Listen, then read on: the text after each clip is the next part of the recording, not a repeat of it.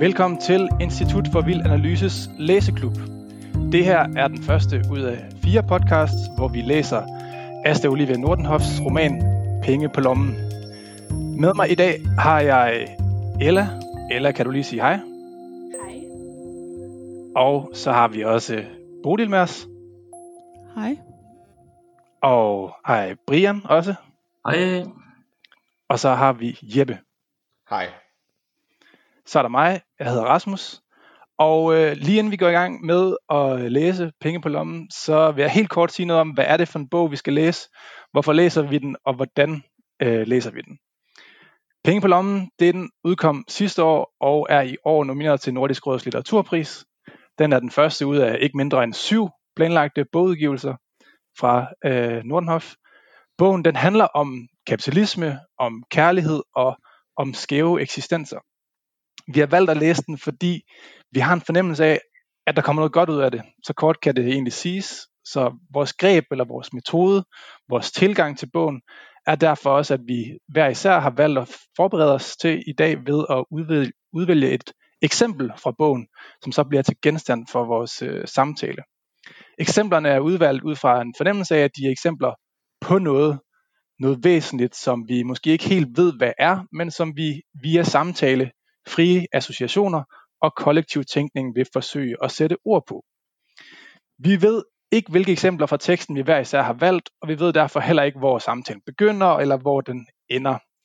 Men målet er en praksis, hvor vi tænker noget i fællesskab, som vi ikke kunne have tænkt hver for sig, og målet er teoretisk at give kapitalismekritikken et nyt sprog, eller i hvert fald et nyt liv. Vi har delt bogen op i fire dele, som så bliver til fire podcasts, og vi vil selvfølgelig opfordre lytterne til at læse med undervejs. Vi har i dag læst den første cirka fjerdedel af bogen, det vil sige fra bogens begyndelse ind til side 65. Øhm, og de eksempler, vi har valgt til i dag, de er derfor fra den her første fjerdedel af bogen. Jeg har trukket lod om rækkefølgen, om hvem der skal starte, og øh, det bliver sådan, at øh, Bodil, vi begynder med dig. Så vil du ikke fortælle os, hvad for et eksempel fra teksten har du valgt til i dag? Jeg har valgt at sammenligne to steder faktisk. Øh, den første er på side 23, hvor, ja. øh, hvor Kurt øh, bliver ydmyget af de andre øh, af hans venner på en, øh, på en bar eller på et værtshus. Øh, og det foregår ved, at der er en, der holder nogle urter op for næsen på ham. Nej, de er hjemme hos en af dem, men der er en, der holder nogle urter op for næsen på ham. Og så øh, føles det, som om han har myre i ansigtet. Og så, øh, så står der midt på side 23. Noget gik løs i forsamlingen. De grinede og grinede. Og hver gang latteren klang af, var der en, der begyndte igen og rev latteren løs i de andre. En vidtstrakt og lykkelig foragt greb dem. Kurts angst, Kurts lille komedie, var bare den bagatel, de havde brug for. Pludselig var der ikke en eneste ting, der ikke var lattervækkende. Han følte sig til intet gjort. Og så øh, øh, vil jeg tænke, at det kunne vi sammenligne med på side 35, hvor Maggie fortæller om, da hun var barn, og de sidder i, øh, i bunkeren under krigen, og, øh, og hun opfører en form for skuespil for at underholde de andre.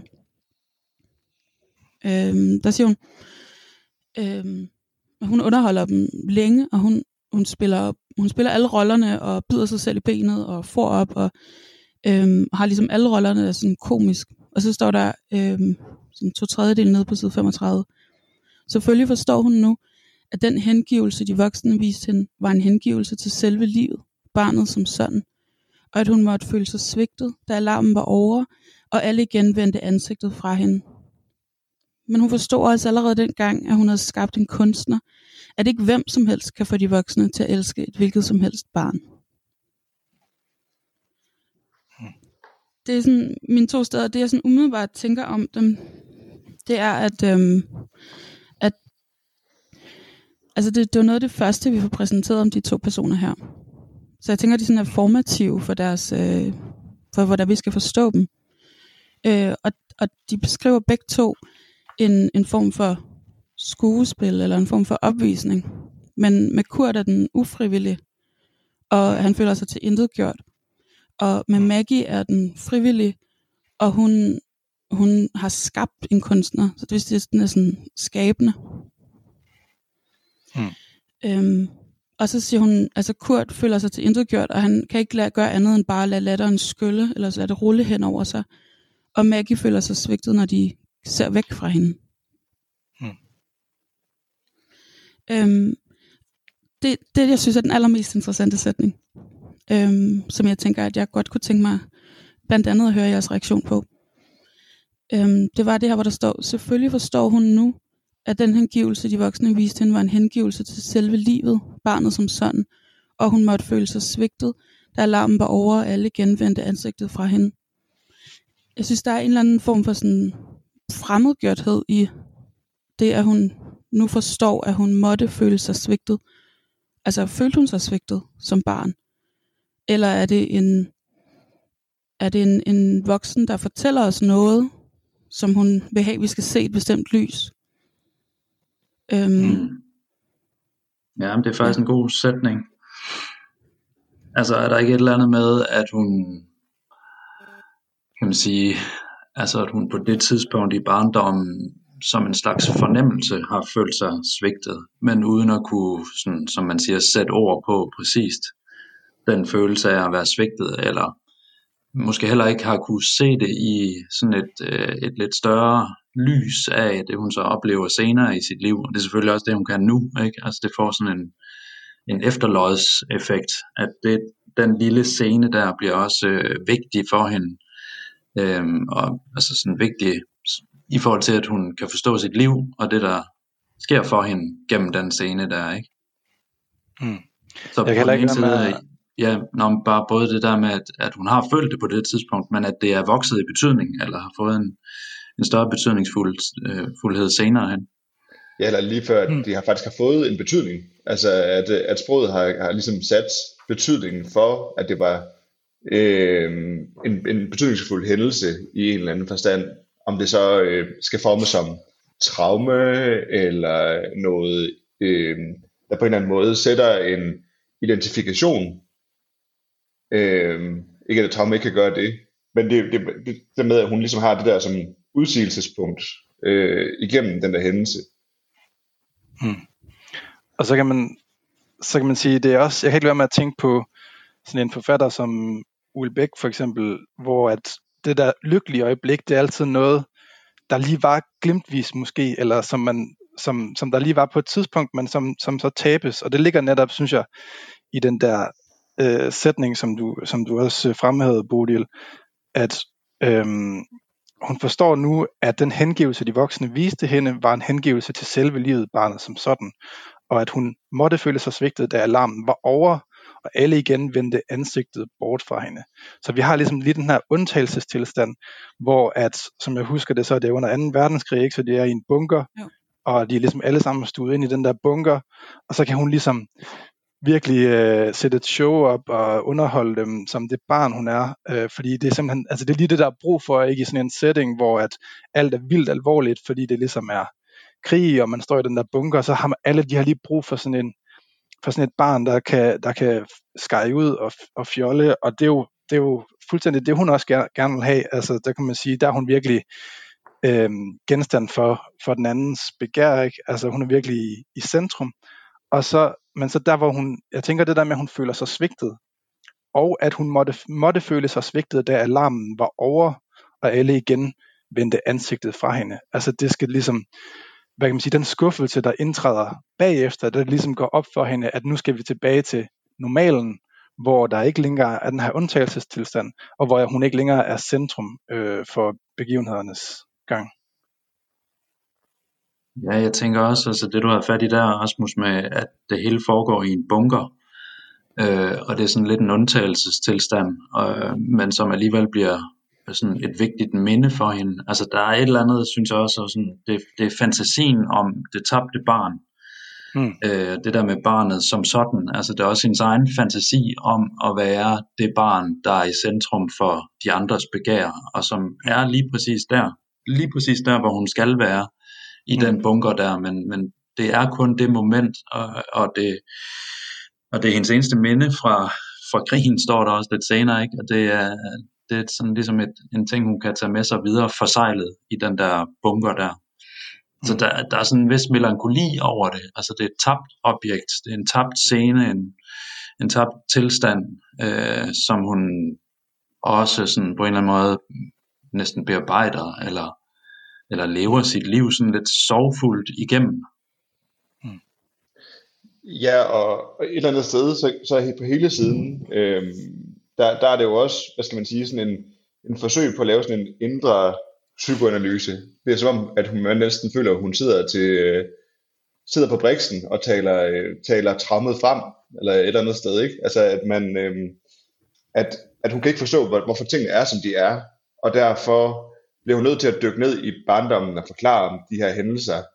Øh, og jeg kan ikke lade være med at sidde og tænke over, at det er jo, det er jo sådan en undersøgelse af, hvorfor tingene er blevet så, øh, så underligt melankolske, øh, eller hvorfor tingene er så fremmedgjorte, eller hvorfor hun ikke kan, øh, hvor, hvorfor hun ikke kunne undgå at finde sammen med Kurt. Hmm.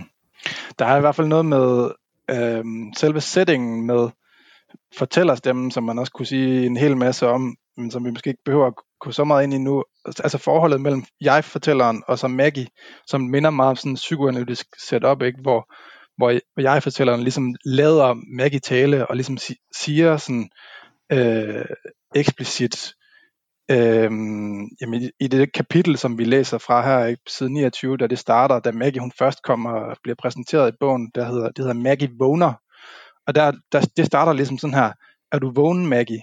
Jeg har linkes efter dig. Øh, fortæl mig noget. Så det er ligesom jeg-fortælleren, der henvender sig direkte til Maggie, og så begynder Maggie ligesom ellers så fortælle, så nu Maggie på briksen, ikke? Mm. Ja, jeg synes faktisk også, altså nu vi begynder at tegne de der forskelle op mellem Kurt og Maggie, altså den her bogs to altafgørende hovedpersoner, og det kan være, at vi skal beskrive lidt mere om, øh, mm. hvordan vi egentlig møder dem og sådan noget. Men øh, nu er vi sprunget direkte ud i det, men der er også nogle andre forskelle, også i forhold til det, du lige sagde, Rasmus, altså fordi jeg synes, Kurt melder sig først og fremmest som et syn, og det er jo den allerførste øh, mm. passage i bogen, hvor mm. øh, altså jeg-fortælleren øh, beretter om et ansigt, hun har set, mens hun kørte i bus på vej over Fyn. Mm. Øhm, og det ansigt bliver hun så nødt til på en eller anden måde at finde ud af, hvor kommer det fra, hvad vil det hende? Og det bliver så til fortællingen om Kurt, den her gård, øh, lidt uden for Nyborg på Fyn. Så Kurt melder sig som et syn, men Maggie melder sig som en stemme, øh, som du siger, ikke? Altså det er, det er Maggie, der skal fortælle noget om, og jeg-fortælleren på en eller anden måde opsøger selv, eller ansporer selv Maggie til at fortælle mere. Øhm, og det synes jeg sådan lidt er en, er en forskel, ligesom om, at det der syn af Kurt er sådan, det er noget, som øh, jeg-fortælleren udsættes for, eller som jeg-fortælleren bliver nødt til at reagere på, eller bliver på en eller anden måde draget ind i og skal gøre et eller andet ved, mens Maggie skal mere sådan øh, tales frem, eller øh, lokkes frem et eller andet sted. Ikke? Så der, der er sådan en forskel i, hvordan de præsenterer sig, figurerne. Hmm. Jamen, der er også en form for altså, begær efter Maggie, ikke? Hun siger, jeg har længtes efter dig. Fortæl mig noget. Så hun, hun er den ene Kurt, øh, prøver hun jo oprindeligt at komme væk fra. Altså, fordi hun, hun ser det der syn, og så tager hun videre. Og så er hun nødt til at tage tilbage og, og finde ham, og finde ud af, hvor det, hvor det var det syn, og hvor den der gård, han boede på, var. Mm. Øh, hvor Maggie øh, opsøger hun selv. Og jeg tror, der er noget, jeg tror, det har noget at sige, også i forhold til de, de to øh, historier om dem, at deres forhold til andre mennesker er sådan, er, er, sådan, det er sådan modsat og alligevel ens. Og der er sådan en gentagelse af en forskel, som jeg har hørt Lacan øh, eller skrive et eller andet sted.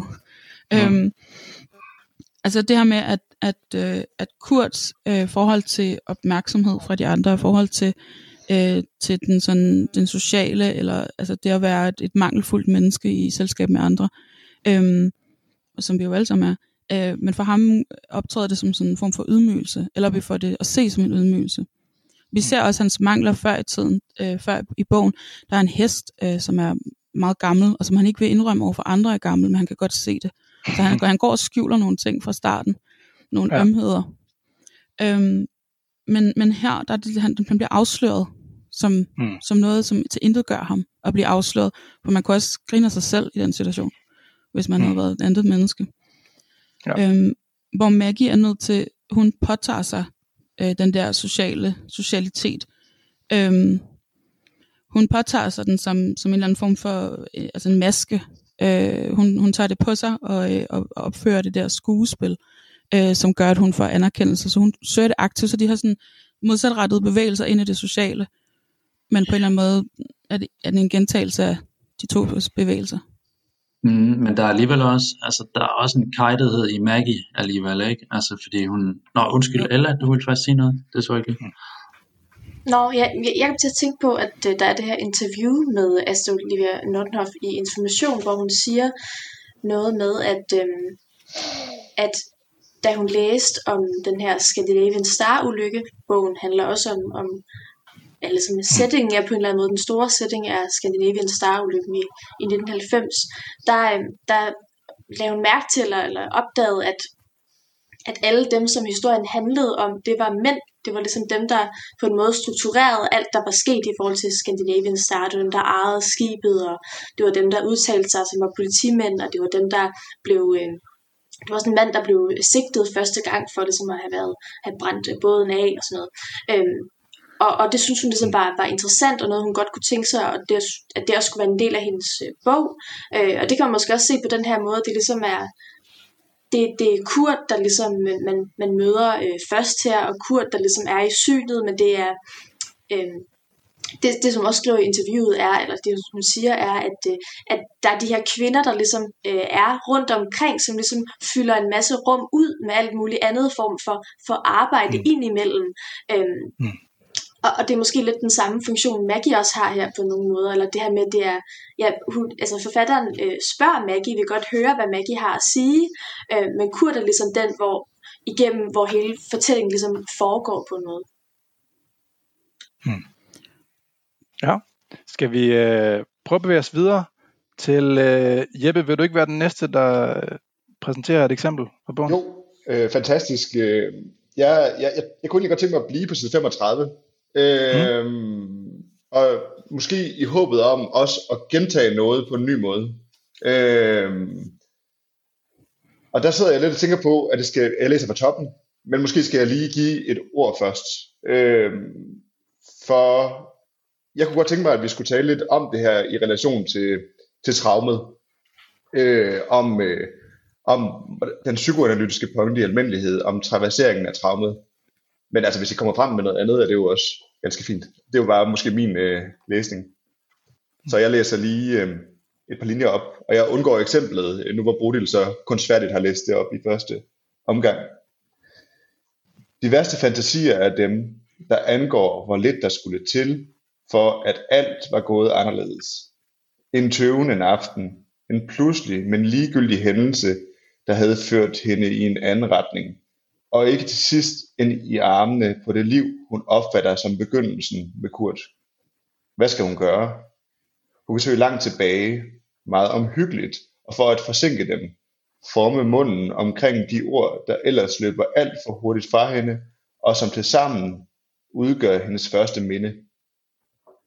Jeg synes jo også bare, det er sjovt, at hun bliver nødt til at udtale ordene for at forsinke hændelsen, eller begivenheden, mm. eller eller trammet. Altså det der med at sådan, altså bruge øh, betydninger for ligesom at forsinke, hvad der egentlig er sket.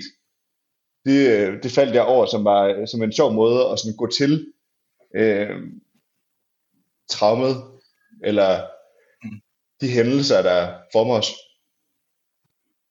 Jamen, jeg, jeg undrer mig lige lidt over, at du kalder det traume, øh, Jeppe, fordi jeg tænkte, altså, at det er vel sådan en, det er vel sådan et helt klassisk eksempel på en fantasi, simpelthen bare, ikke? Altså, den der fantasi, som vi også havde fat i med Bodil lige før, altså en fantasi om at være der i bunkeren, og være lige præcis der, hvor man øh, finder ud af, hvad man er for den andens begær, sådan en fantasi om, om helhed og en, en barndom, hvor man på en eller anden måde var, var lykkelig og var i centrum for begivenhederne og havde styr på sig selv på en eller anden måde, ikke? Og det er vel den fantasi, øh, som, som bliver fremskrevet her, altså i det her, det første minde, og det eneste minde fra krigen. Ja, altså jeg, jeg, så alligevel, jeg tænker alligevel, der er noget over det traumatiske øh, i forbindelse der med sådan, ikke nødvendigvis, at den begivenhed var, var traumatisk, mere bare, at den førte til noget traumatisk, som at det der, altså den der øh, møde med Kurt, Kurt, et liv, hun kunne, der kunne have været anderledes på en eller anden måde, øh, i lyset af den hændelse, bliver alt andet også traumatisk. Øh, sådan, øh... Men jeg synes faktisk, altså den sætning, den sætning, du havde i toppen der på side 35, altså, det synes jeg, det er sådan, den havde jeg markeret som sådan one-lineren på de her første 65 sider, hvis der skulle være sådan en one-liner. Der er masser af andre gode sætninger og passager og alt muligt. Men den der, der hedder de værste fantasier af dem, der angår, hvor lidt der skulle til, for at alt var gået anderledes. Altså, der, der er sådan en øh, fantasi om, at det kunne være gået meget bedre, og at det kunne have været øh, et meget mere lykkeligt liv. Og den fantasi er så forankret i det der minde om den tabte barndom, om øh, selve livet, om barnet som sådan, om den kunstner, der var dernede i den der bunker på det tidspunkt, ikke? Om, det, om det show, hun opførte der. Og ja, det er sådan en, det er jo sådan en fantasi, som på en måde er altså god at have, kan man sige, fordi den giver en trods alt en eller anden meningsfuldhed at søge tilbage til. Men på den anden side er den også melankolsk, og hun ved jo godt, at den er, den er tabt, og det, det, der, det der med, jamen der skulle, der skulle have været så lidt til, men det er også at snyde sig selv og sige, at når jeg kunne også være blevet kunstner, fordi jeg kunne have foldet mit store potentiale ud, som jeg viste dengang i bunkeren. Jo, men men det er bare ikke det, der skete, og det, den fantasi er ligesom, den, den var kun der, i det der lille glimt, ikke? Hmm. Det er jo på en eller anden måde, altså en af menneskets største forbandelser, at vi skal, vi, vi, vi er sådan frie til at handle i øjeblikket, altså så fri som vi nu er, men, men vi har ligesom noget frihed til at handle, og så har vi også øh, øh, problemet med at øh, skulle have ansvaret for det bagefter. Men jeg tænker, at hun taler om det der med, at det, det lyder næsten som sådan en, en bane, der bliver afbrudt. Og hun har også tidligere omtalt sig selv som en, øh, som en form for planet. Det er på side 32. Hun siger, øh, morgenen bliver stadig mere solmæt, og alt hvad hun gør, gør hun med en bange anelse om, at Kurt kunne vågne, komme til at komme, kunne komme til hende og forstyrre hendes bane. Så det med solen, og så har hun ligesom en bane rundt om solen som en, en øh, planet. Øhm, og så kan jeg ikke lade være med at læse lige præcis det. Og det kan godt være, at det er bare mig, der mine associationer, der er sådan lidt præget af, øh, af måske at vokse op i øh, Titanic-filmens æra og sådan noget. Øhm, men, men skibe, og de der krydstogsskibe, har også sådan nogle baner rundt om jorden. Og, øh, og, og det er også uhyggelige få ting, som nogle gange skal til, at det kunne ende anderledes med dem. Mm. Altså, og jeg, så, så jeg læser det også som sådan en analogi for hele bogen øh, og, altså branden øh, med Scandinavian Star, at det værste, man kunne forestille sig ved den, det er, når man, man begynder at forestille sig, at det ikke var sket. Og det handler al vores bearbejdelse af det traume, den båd eller den brand var, eller for os alle sammen, at, at, øh, og det traume Titanic var for, for det 20. århundrede, at det der med at forestille sig, at det kunne, ikke være, det kunne være sket anderledes. De kunne have stoppet, de kunne rundt om isbjerget, eller øhm, hmm. ja. ja. Lad os bare runde det eksempel af på den måde, og så bevæge os videre til, øh, Ella, vil du ikke øh, præsentere os for, for det eksempel, du har valgt fra teksten? Jo, det er på side 16 til 17, hvor at det er altså, noget af det første, der står om, øh, om Kurt, hvor der står, Kurt sætter sig på en kasse, fylder lungerne med varm luft, holder på den, slipper. Det er det vigtigste tidspunkt på dagen, runden i laden. Det er her han forstår han har levet, har haft, han har haft noget i hænderne. Så ringe har, det ikke, har jeg ikke været. Ikke så ringe. Han når denne mening hver dag.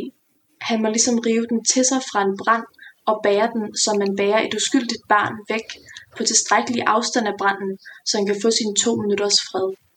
Så tænker han på overskuddet og bliver sit hektiske, ængstlige jeg igen. Firmaet har haft tre gode år i træk, han er efterhånden ret meget stående, og det går næsten ondt i ham for at få pengene investeret. Men det skal ikke være hvad som helst. Han vil ikke investere i fortiden. Han drømmer om noget helt nyt.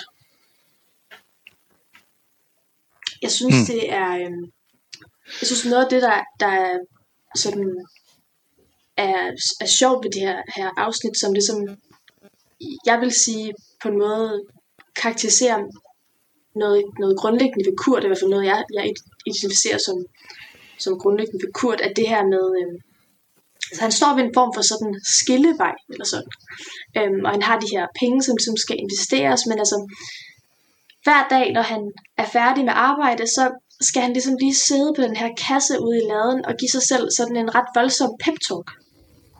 Altså, det er sådan en pep talk, som ligesom skal, skal sådan gensætte en eller anden form for mening ind i hele den hverdag, han lige har ligesom gennemspillet.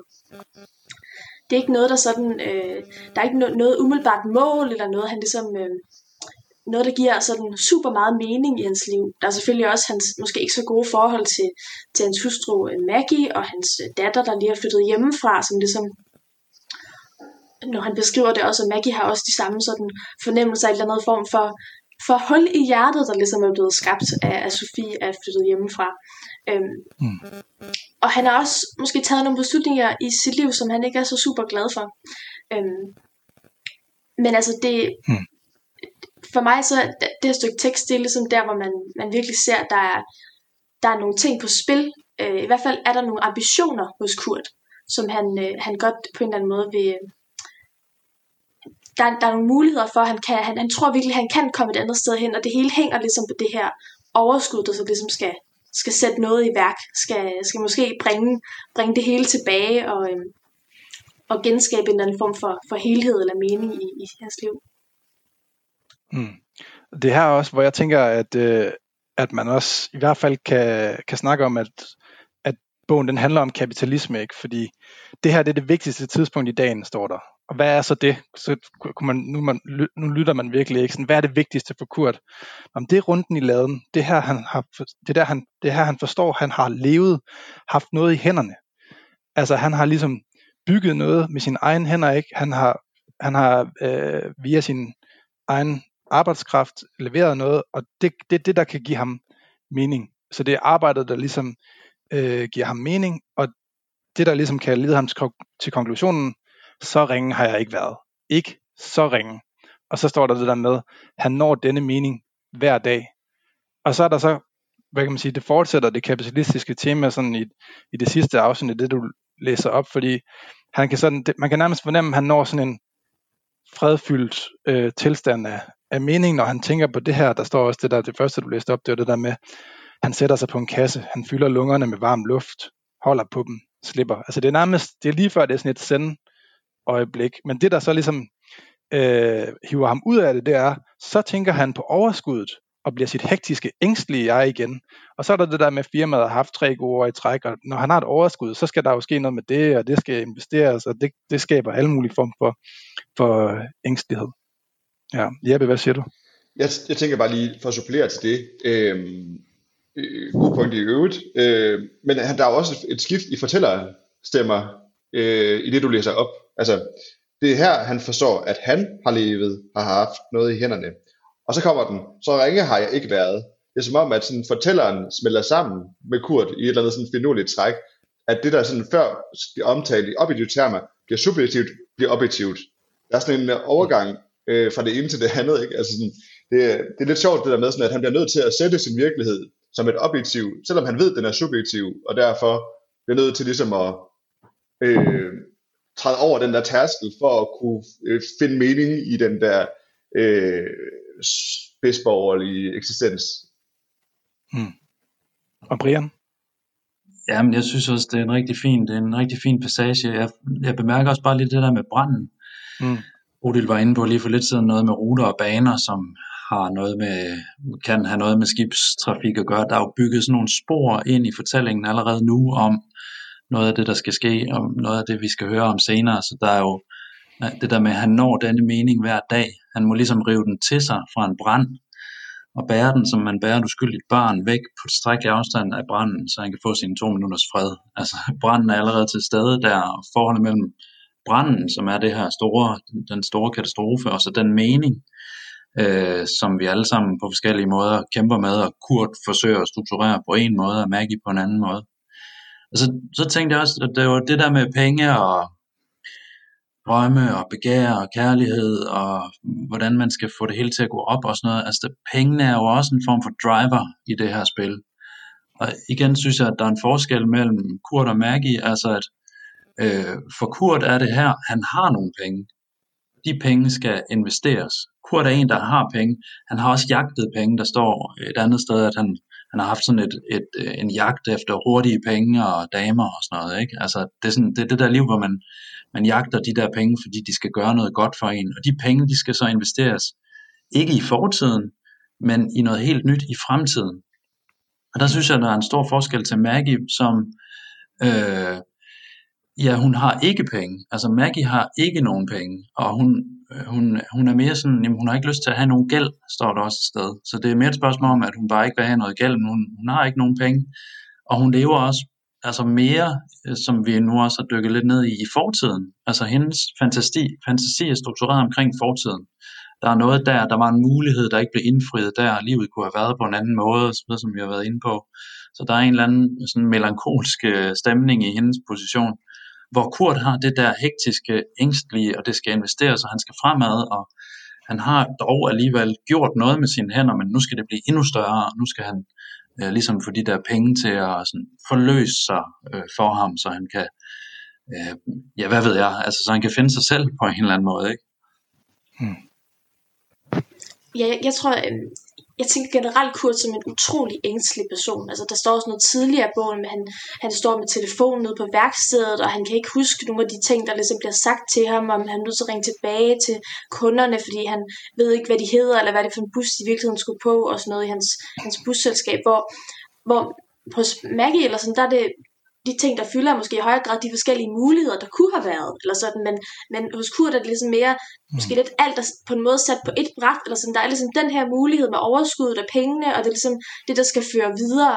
Øhm, så synes jeg også, der er noget lidt, øh, lidt sjovt i det her med, at det er, ja, det, den her, at investere overskud, det er ligesom det, der er handlingen, der skal få Kurt ført videre i livet. Altså det er nærmest sådan en form for en, øhm, en en ny start, måske en form for renselsesproces eller sådan. Altså det, og der ligger måske også noget i, at det her øh, med at Kurt måske tidligere har, har levet et liv, hvor han har taget nogle dårlige beslutninger, og måske også brugt lidt for mange penge. Øhm, og hvis man så ligesom tænker det inden for sådan en, øhm, jeg ved ikke, den klassiske analyse af ligesom den, den gode kapitalist som den asketiske kapitalist, så kunne man også måske sige, at der ligger noget i det kapitalistiske samfund om, at det her med at investere overskuddet, det er også en form for moralsk handling. Måske også en form for moralsk handling, som, øh, eller der er måske et, en mangel på moralske handlinger, som Kurt øh, måske føler, han ligesom øh, har. Øh, så, så på den måde er der ligesom også måske noget, noget sjovt med at at undersøge, hvorfor det lige er den her handling, der er blevet til, til den, der skal, der skal ligesom forløse og gøre Kurt til et nyt og bedre øh, menneske. Det er det, der er fremtiden. Ikke? Også det er at, at starte med den her handling, og ikke med at mm. for eksempel reparere sit ægteskab eller noget andet. Mm. Ja, og så vil jeg bare lige tilføje til det, at jeg synes også, det er, det er godt at bringe det her på, med fremtiden på banen. Altså netop den sidste sætning i det, du læste op, eller det var det her med, han vil ikke investere i fortiden, han drømmer om noget helt nyt. Og så gør, synes jeg, I gør fuldstændig ret i ligesom at, at sige, det handler om at investere i fremtiden, og dermed det kan man også, nu, nu sagde jeg før, hvordan det, der ligesom det kapitalistiske tema ligesom i hvert fald kommer på banen her med, med arbejdet. Man kan næsten sige også, at der ligesom i den her lille passage, du valgte, er der ligesom den, hvad, det, man kan kalde den, den gammeldags kapitalisme, ikke? Altså runden i laden der, som han, jeg ved ikke, om han nærmest har bygget laden med sine egne hænder, men han har i hvert fald bygget en forretning op med sine egne hænder, ikke? Som har lavet overskud. Og så er der den sådan nyere kapitalisme, som vi så kunne kalde finanskapitalisme, som, øhm, hvad kan man sige, ligesom kommer i fuld flor der i, i, i løbet af 70'erne, og i, måske især i 80'erne, hvor, som lige præcis er det tidspunkt, hvor den her roman foregår. Ikke? Den foregår i, i, øh, i 1980'erne, hvor der ligesom efter, efter de der oliekriser i 70'erne, så øh, kom der ligesom sådan en, i Vesten i hvert fald, en ret bred politisk konsensus om, at nu var det deregulering, der ligesom var, var vejen frem, og det satte ligesom øh, banen for, øh, at, at de her den her form for finanskapitalisme, hvor man ikke investerer i noget øh, nutidigt, men i noget fremtidigt. Altså man begynder ligesom at spekulere i øh, derivater for eksempel, altså at, at, øh, at noget kan stige i værdi øh, på, en, på en fremtidig øh, handel. Øhm, ja, så det, det var bare lige... Ja, også det der med, at, at øh, du investerer ikke i en virksomhed, fordi at du har en tiltro til produktet, eller fordi du har mm. en, en idé om, at det her det, det er noget, som vi har brug for, og som er væsentligt i forhold til, mm. øh, sådan, ja, hvad det kan og sådan noget. Men du investerer, fordi der er nogle aktion, aktionærer, altså der er en finansialisering, som gør, at det er aktionærerne i virkeligheden, som, øh, som på en eller anden måde skal have noget ud af en virksomhed. Og det, det giver jo en helt anden situation, altså i forhold til, hvordan pengene sådan, øh, dribler rundt i et samfund, og hvordan de investeres, og hvad man investerer i og sådan noget.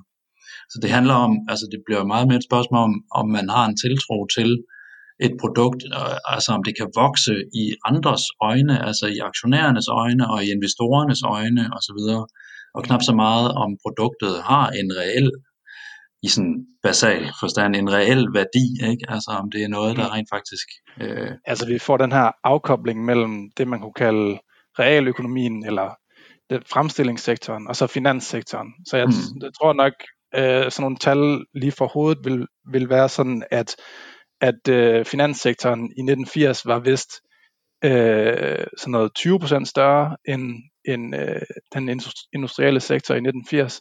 Og så frem til der før, lige før finanskrisen 2007, så var den 4,1 eller andet gange større, altså finanssektoren sammenlignet med realøkonomien.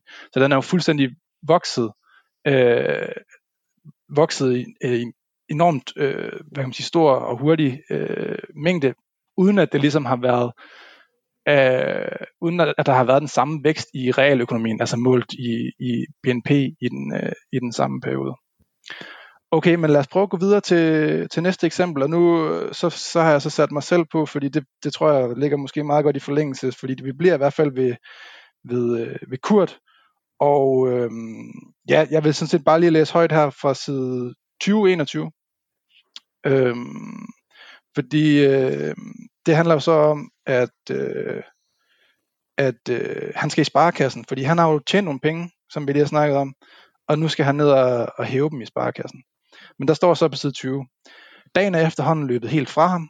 Han har ringet rundt, jævnført opkaldene med en liste. Han har liggende på skrivebordet streget ud på listen, og alligevel kan han ikke helt ankomme. Hvad er det egentlig, han har lavet, og hvad er det, han skal? Han stiger ud på æbletræet, som om det kunne fortælle ham, hvad hans pligter er.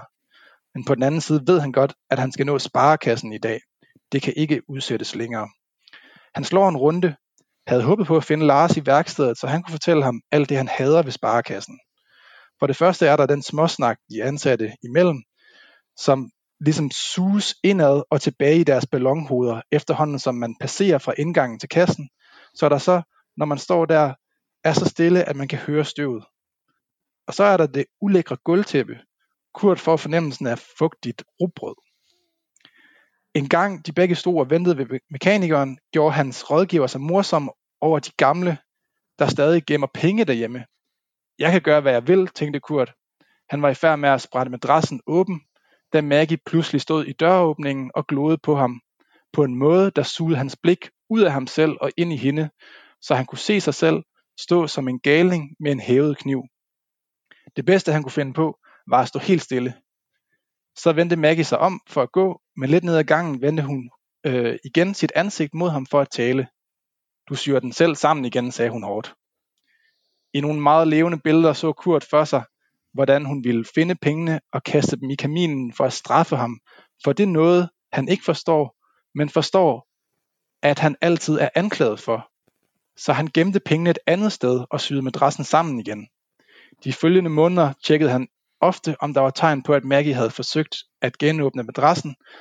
Han synes, det er koldt af hende, kærlighedsløst, at hun ikke har ville vide, hvor mange penge han ville have syet ind. Ja, hvad tænker I, hvad tænker I om den her passage? Hvad, hvad sker der? Jeppe? Jeg tænker, øh, vidt og bredt er det her udtryk for Kurts selvkærlighed. Øh, den måde, han hele tiden sætter sin relation ind i fremtiden. Det er ham, der investerer øh, i sit fremtidige liv. Det er ham, der gør klar til, Øh, altså vi, vi, vi, vores tema for vores læsekasse er jo også øh, forholdet mellem kærlighed og kapitalisme. Det, det er som om den her selvkærlighed skal til for at investeringen er. Det er som om, at alting refererer tilbage til ham. Men at der også lige pludselig, altså når, når blikket så lige pludselig kommer, øh, det der, det der, altså man kan sige, Maggies øh, måske manglende pekuniære forståelse, kigger på ham, øh, så, så, så kommer der også en underlig skam, øh, sådan en underlig, øh, et underligt blik, der gør ham til noget andet, end han gerne vil være. Øh, og han prøver sådan lidt at sige, ja, men der, der er også mange penge, og øh, det kunne være blevet endnu bedre, og det, kunne, og det bliver rigtig godt, og at det er som om, at den der fremtidige investering er det, der for Kurt muliggør relationen. Hmm. Eller? Ja, jeg synes, øh, jeg tror, jeg sagde det før, eller sådan, at Kurt er på mange måder en meget ængstelig person. Øh, hmm. Og det, det kan man også godt se. Jeg synes, jeg tror, det var dig, Bodil, der sagde tidligere, at, at Maggie havde en form for en, en maske, kan man sige, eller sådan. Det var ligesom med, hun arbejdede med hendes, hendes maske, og det synes jeg også i høj grad, at Kurt har, vil jeg sige. Øhm, altså Kurt er hele tiden ligesom øhm, på grænsen imellem, du ved, hvad, hvad tænker Maggie om mig nu, eller er det sådan her, hun ser mig, eller er det sådan her, hun ser mig. Der er ligesom en konstant forhandling og, og ængstelse, og måske også noget, noget hektisk omkring ligesom, hele den måde, han, han stresser over ham, ham selv, og hvem han er i, i forhold til, til verden. Og man kan sige, der findes jo ikke noget mere stressende, kunne jeg forestille mig, end at altså, stå nede ved den sparekasse der. Altså, det er ligesom den, det, det er virkelig der, hvor at, øh, at tingene bliver, bliver sat på spidsen måske en lille smule. Også fordi han ligesom har investeret så meget af sin, sin identitet i det her overskud. Og så skal han stå der, og der skal være sådan nogle... Øh, jeg ved ikke, fine bankfolk, som aldrig har haft noget mellem hænderne, vel, der skal stå der og sige til ham, om han kan få lov til at investere i det ene eller det andet, eller låne nogle penge, eller det er ligesom sådan en, øh, en, en nogle, nogle dommer, eller sådan i forhold til måske også, hvorvidt han ligesom har klaret den, eller hvad han ligesom kan. Altså det, han, han udsætter det, fordi det er ikke, øhm, det er ligesom en, en, en situation, hvor han virkelig skal konfronteres med noget øh, om ham selv på en måde, forestiller jeg mig. Hmm. Jeg hæftede mig ved det her med madrassen. Øhm, øh, altså, øhm, det er lidt det samme. Det der, det, der er vigtigt for Kurt, det er, øhm, det er det med pengene og det med fremtiden. Øh, og, øh, og for Maggie, så siger hun, øh, at, at hun siger, at du syr den selv sammen igen. Hårdt. Det siger hun hårdt. Og, øh, og, og, og for ham, han går og tjekker øh, de efterfølgende, om hun, øh, om hun har genåbnet madrassen. Men hvis vi sådan ser på magisk forhold til verden ellers, så, så forestiller jeg mig, at hun vil være den sidste, der begynder at splitte en madras ad. Øhm, altså fordi for eksempel på side 38, så, øh, så, så står der direkte, hun bebrejder Kurt det blik, der piller tingene fra hinanden. Og hun virker næsten som om hun synes, det er skræmmende, at de ser på en bus og ser enkeltdele. Det kan hun ikke have. Mm. Øhm, alene tanken om alle de små stykker tror hendes besindelse, står der på side 38. Øhm, og der er også et tidspunkt, hvor der er en skuffe, der binder, og det er også en, et problem for hende. Og, øhm, og så er der det her med, at hun møder en død and på, på side 37. Og det synes jeg bare er noget af det mest fantastiske i verden, fordi altså det foregår sådan semi-landligt ude på landet. Og så møder hun et død and, og hun siger, at der ikke er noget vand lige i nærheden. Men altså ender kan jo flyve. Og, altså, så ender behøver ikke være. Det er ikke ligesom at finde salamander. Eller, altså der, den kan flyve ret langt væk fra vandet, og der er jo øvrigt vand mange steder i det her land. Så. Men det med, den er forkert placeret. Den var der ikke, da hun kom ud. Der er sådan noget med, den er som at tingene sådan, de skal være. Hun holder sammen på verden ved at fysisk holde tingene på de rigtige steder og holde dem samlet. Og. Kurt øh, holder sammen på verden ved at sikre fremtiden. Og det indebærer for eksempel at skille madrasser Eller, altså, der er sådan, og så går de mm. forbi hinanden på den måde der. Ja, de går tydeligvis galt af hinanden. Ikke? Jeg tænker også, der er et eller andet, det siger et eller andet om Kurt, at han, øhm, at han er typen, der ligesom vil gemme sit overskud af penge, som han nu har hævet i sparekassen, at han vil gemme dem i madrassen. Altså det er sådan et forsøg på at, at gøre det sådan helt fysisk, altså lave et materielt bevis på, se, jeg har lavet overskud. Øh, jeg, jeg kan godt, det er min øh, mening med tilværelsen nærmest. Og så, så er det som om, som Ella tror jeg også sagde, ligesom at han, det bliver nærmest hans identitet, der er koblet op på det, Øh, så det, det bliver det meningsfulde for ham, kunne man måske sige. Men, men det, der er så forfærdeligt for ham, det er jo så, at i det øjeblik, han, han ligesom ser sig selv udefra, og her er det så selvfølgelig med, med, med Maggies øh, blik, ikke? Så står der ligesom, at han var i færd med at sprætte madrassen åben, da Maggie pludselig stod i døråbningen og glodede på ham på en måde, der sugede hans blik ud af ham selv og ind i hende, så han kunne se sig selv stå som en galning med en hævet kniv. Så det der lige før var det eneste rigtige med, med livet, ifølge Kurt, ikke? tjene nogle penge, hæve dem, gemme dem i madrassen som et fysisk bevis på, at ja, jeg kan godt. Lige pludselig, så, når han ser sig selv udefra via Maggies blik, så, så ligner han en, gal, en galning, ikke, som står der med den der kniv, og altså, det ser helt øh, forfærdeligt ud, så der er virkelig en, virkelig en fremmedgørelse på spil. Brian? Og der er jo også, øh, nu, jeg tror næsten, jeg har sagt det på forskellige måder, men det der med, at der, det er også de to former for kapitalisme, der møder hinanden her. Ikke? Altså der, altså fordi Kurt er jo også en bunderøv, og han er også ekstremt ængstelig, og det øh, kommer meget tydeligt frem. Så han kan jo ikke, altså han kan jo ikke begå sig dernede i sparekassen med de fine investeringsfolk, og dem, der taler et helt andet sprog, og måske har, har noget bedre styr på end han, hvordan det nu er med de der penge, og hvordan man investerer dem og sådan noget. Mm. Så han, ja, han skal jo have den der pose penge med hjem i en sæk og putte dem ned i madrassen, ikke? Øhm, samtidig med, at han jo også gerne vil, vil med på den der vogn og, og vil være med til at investere og prøve det der med fremtiden. Så pengene bliver sådan et underligt øh, fluktuerende objekt for ham. På den ene side er de materielle, og de skal ned i madrassen. Og de bliver også sådan et, altså de bliver hans gave på en måde til Maggie, som hun så ikke vil have, fordi det er slet ikke det, hun vil have, men altså han, han synes, det er koldt af hende, som der står kærlighedsløst, at hun ikke har ville vide, hvor mange penge han ville have syet ind i den der madras. Så tog han dem så et andet sted hen, ikke? Øhm, men pengene er det der fysiske materielle, øh, den fysiske materielle ting, som man kan give til en, men de er også det der, som skal investeres og omsættes og blive til fremtid og blive til noget stort. Der er, sådan noget, der, der er noget symptomatisk over hans øh, forhold til pengene. Mm. Og hvis jeg så bare lige må tilføje, inden vi går videre, øh, noget, der ligesom, hvad kan man sige, giver sprog til det der, øh, til den der fremmedgørelse, det der med at stå skoleret over for de der bankfolk i sparekassen, de der ballonhoveder, som, som der også står, fordi jeg synes virkelig, det er noget af det, den her øh, Nordenhof gør øh, øh virkelig fantastisk i den her bog, det, det er det der med at, at give, øh, og, skabe nogle fantastiske billeder, og der, hun skriver netop det der med, at der er det der ulækre gulvtæppe, Kurt får en fornemmelse af fugtigt rugbrød. Og jeg kan virkelig bare se for mig de der gange, jeg har været nede i banken, som er lang tid siden efterhånden, fordi alting er digitaliseret.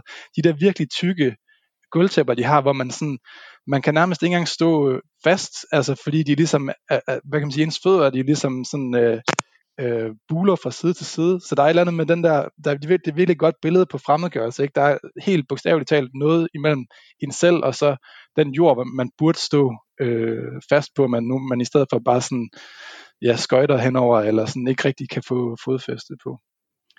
Okay, men lad os øh, gå videre til, til femte og sidste eksempel, som, øh, som Brian, som du har udvalgt til i dag. Ja, men det bygger faktisk meget videre på noget af det, vi lige har været omkring her. Noget omkring objekter og Kurts og Maggies forskellige øh, objekter. Øhm, og jeg har valgt noget, jeg har egentlig ikke valgt noget sådan specifikt citat, men øh, jeg har valgt øh, side 13, øh, som er ja, endnu tidligere end det Ella havde fat i, men i forhold til Kurt, og hvor vi bliver præsenteret for Kurt for første gang, altså det er her, vi får sat et navn på det der ansigt, som jeg fortælleren kun har set i et, i et syn, sådan set. Ja, det gør vi måske lidt før, men det er i hvert fald her, vi begynder at få, ligesom, få føling med, hvad Kurt er for en. Og det, jeg synes, der er interessant altså, allerede fra starten her, det er det der med altså, karaktertegningen, altså tegningen af de her personer øh, fordi at de, jeg synes, de på samme tid altså, skal være sådan lidt nogle, nogle stereotyper på en måde. Altså det skal de næsten være i den her type bog, som fører frem mod Scandinavian Star-ulykken, og som gerne vil fortælle noget om øh, kapitalisme, og hvordan man ligesom bliver altså Kurt bliver jo også ligesom trukket med ind i det her spil omkring at investere nogle penge, og det viser sig så senere, at han havde med den her skibsulykke at gøre selvfølgelig. Og, og der er nogle stereotyper i spil der. Altså der er nogle bestemte måder, hvorpå karaktererne er nødt til at agere for at kunne blive en del af det her store plot. Ikke? Men på, den, på samme tid, så er de altså underligt, nogle underligt flossede personer, og de slæber rundt på nogle ting, og de er meget, og især Kurt er jo enormt ængstelig øh, og neurotisk, og han flimmer en lille smule, fordi altså han, han forvirrer også læseren, han forvirrer også mig, fordi han hele tiden har endnu flere sådan neurotiske overvejelser, end jeg selv kunne finde på næsten, ikke? Altså det er sådan, han er virkelig ængstelig. Altså på samme tid har han Kurts busservice, og er super ængstelig, og det er bare, det er, altså det er bare en sjov øh, sammenhæng, synes jeg. Så, men altså, allerførste øh, sted der, eller allerførste linje på side 13, det er hen på morgenen, Kurt er alene på kontoret. Der er hit. På væggen hænger en kalender fra et dyrt undertøjsmærke. Maggie fik den i en butik og vidste ikke andet end at give den videre til Kurt, som på sin side ikke vidste, hvad han skulle gøre andet end at hænge den op. Han forstår ikke billederne. Han synes, de er kolde, og det forvirrer ham at tænke på, hvad Maggie tænker, at han tænker om, om den. Var det hendes oprigtige mening at gøre ham glad, eller bare vise sig fra en generøs side? Skulle han forstå det som et tegn på ringeagt at blive stødt, skulle han have afvist gaven? Var det ment som et spørgsmål, og hvilket? Glemmer at skifte måned i klasse, osv. osv. Altså, vi får virkelig sådan indblik i, hvordan det der er på de første par sider her, er, at vi får Kurts reaktioner på en kalender, og så får vi Kurts reaktioner på telefonen. Han er altid urolig omkring telefonen, står der. Når den ringer, føles det som, en, som om en metaltråd op langs ryggraden, og når den ikke ringer, venter han. Og han kan slet ikke finde ud af at tale ind, ind i den der telefon, og han glemmer at høre efter, hvad folk siger til ham, som, som Ella også var inde på. Han er nødt til at ringe tilbage nogle gange, øh, for at spørge, altså sådan, hov, jeg, at sige til folk, at jeg kommer til at spille en kop kaffe, så du er nødt til lige at sige igen, hvad det var, du, du, du ville og sådan noget. Så han er enormt ængstelig, og jeg synes, det er godt beskrevet gennem, at vi får bare nogle objekter, kalenderen, telefonen, og så mm. får vi Kurts sådan ligesom ængstelighed i forhold til at kunne placere sig selv i forhold til den der øh, til de der objekter. Og i forhold til den symbolske verden, som jo som en kalender og en telefon er, ikke? altså en kalender og en telefon, det er det, man har brug for, når man sidder på et kontor og skal have styr på busruter og sådan noget. Men, men det kan han altså ikke sådan rigtig øh, være i. Mm.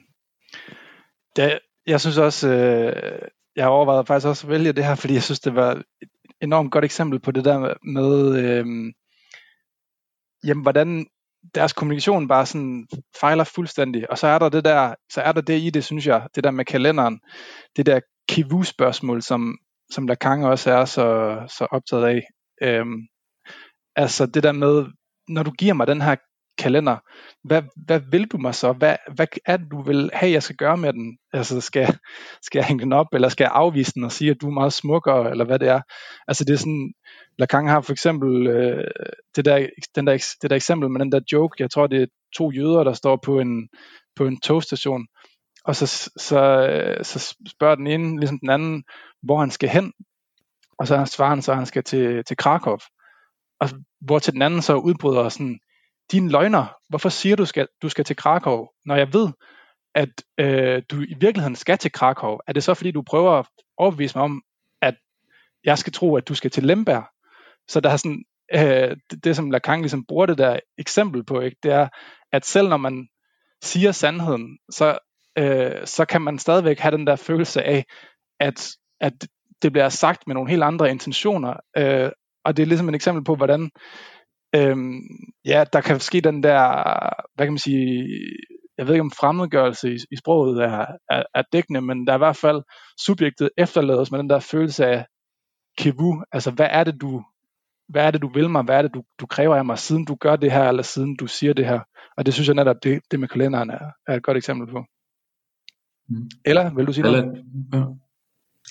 Ja, altså i, i forlængelse af det, så er der også faktisk et andet stykke på side 19, øhm, hvor jeg synes, der er nogle, nogle andre ting, som det er også det sådan barndomsminde fra, fra Kurt, øhm, som handler om, at han har været i skole og noget med et, et kladehæfte, hvor der står, en dag skulle lærerinden have hæftet med hjem over weekenden, og han lå i sin seng og tænkte, hvad hun ville finde i hæftet.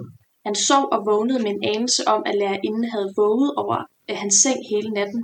Det var der, han begyndte at frygte for sit ansigt. Øh, hvis hans ansigt skrev øh, for de voksne, mens han sov.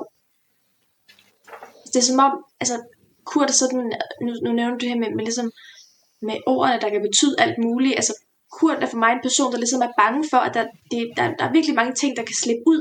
Altså han er ligesom sådan måske føler sig som en eller anden form for meget udflydende størrelse indenfor, hvor ligesom, hvis der er nogen, der kommer til at prikke hul, så, så, så flyder han helt ud. Altså, øhm, det er ligesom, der, der er meget lidt, der ligesom hænger sammen, eller der, der får ham til at hænge sammen.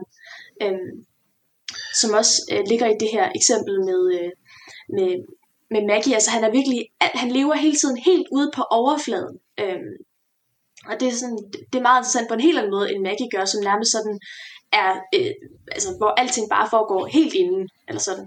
Øh, der, der er meget lidt, der bliver registreret på overfladen, på en eller anden måde. Og Bodil? Man har det her med, at han, der er det her opløsningsmotiv hos ham, at han går ligesom, altså da de grinede af ham øh, øh, på, øh, til den der fest, øh, lige sammenhæng der, der blev han til intet gjort. Og, øh, og Maggie suger hans blik ud af ham, øh, og ind i sig selv. Og, øh, og, og hans ansigt skriver for læreren, når han sover. Øh, altså, eller han bliver bange for, hvad, hvad, hvad kladehæftet viser om ham. Og øh, altså, man skal ikke være særlig meget freudianer for at, at vide, at, at der, det viser garanteret rigtig meget om ham, som han overhovedet ikke er herover.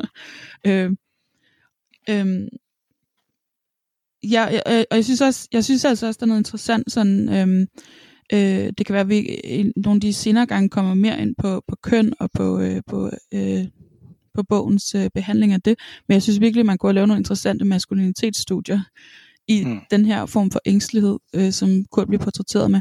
For jeg synes, og det kan godt være, at det bare er, er mig, men jeg, jeg synes, at, at vi er vant til at se kvinder beskrevet sådan her som ængstlige og nervøse. Og, altså jeg tænker sådan noget, Irene Holm er sådan et klassisk eksempel på den der indre, øh, hvad ved de mig, øh, nervøsitet, som tager sådan, går, øh, går for vidt og, og forhindrer hende i. Altså det her med, at han, øh, i det her eksempel, du havde, Brian, med at han, han øh, når telefonen ringer, så føles det som den der metaltråd. Øh, han er ængstelig, når den ringer, og når den ikke ringer, så venter han.